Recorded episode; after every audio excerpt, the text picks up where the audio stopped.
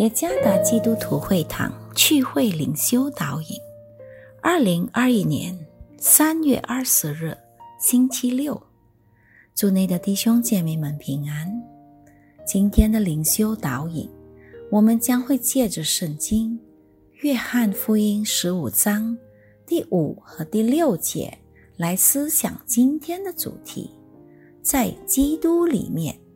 作者。黄晓峰音乐老师，《约翰福音》十五章第五节：“我是葡萄树，你们是枝子，藏在我里面的，我也藏在他里面。这人就多结果子，因为离了我，你们就不能做什么。人若不藏在我里面，就像枝子。”丢在外面枯干，人湿起来，扔在火里烧了。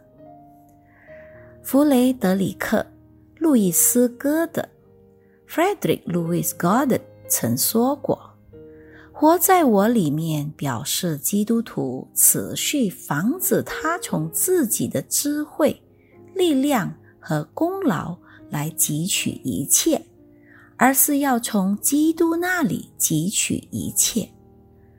另一方面，杰里·布里奇 （Jerry Bridges） 说：“我们必须摆脱我们对自己性格上所有智慧和力量的依赖，而是要借着我们对基督的信心来汲取我们一切所需的。”在这段经文里。耶稣强调了他上帝的属性，就是作为他子民生命的源头。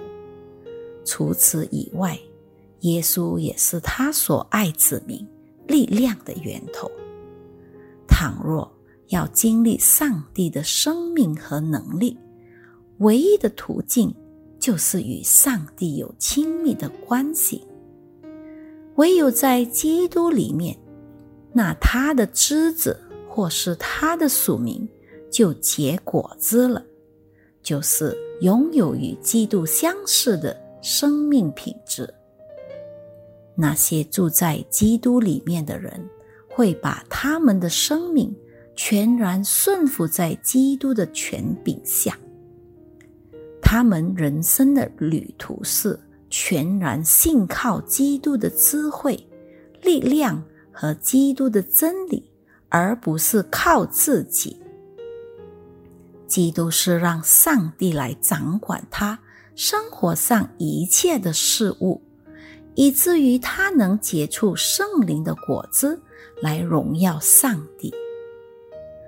我们身为上帝的子民，应当要常与耶稣基督连结，把它作为我们生命和力量的源头。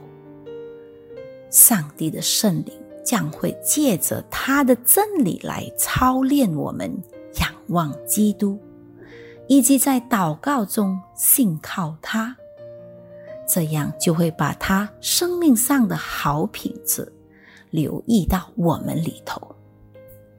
杰里·布里奇说：“基督徒不像一辆内置源头的汽车，相反的。”它必须好像一辆一直要与外部的电流连接的电动汽车。我们力量的源头就是复活的基督，我们常住在它里面，常透过它的真理仰望它，常透过祷告来信靠它。在基督里面，意味着。全然顺服在他的权柄下，放下自己的权威。愿上帝赐福大家。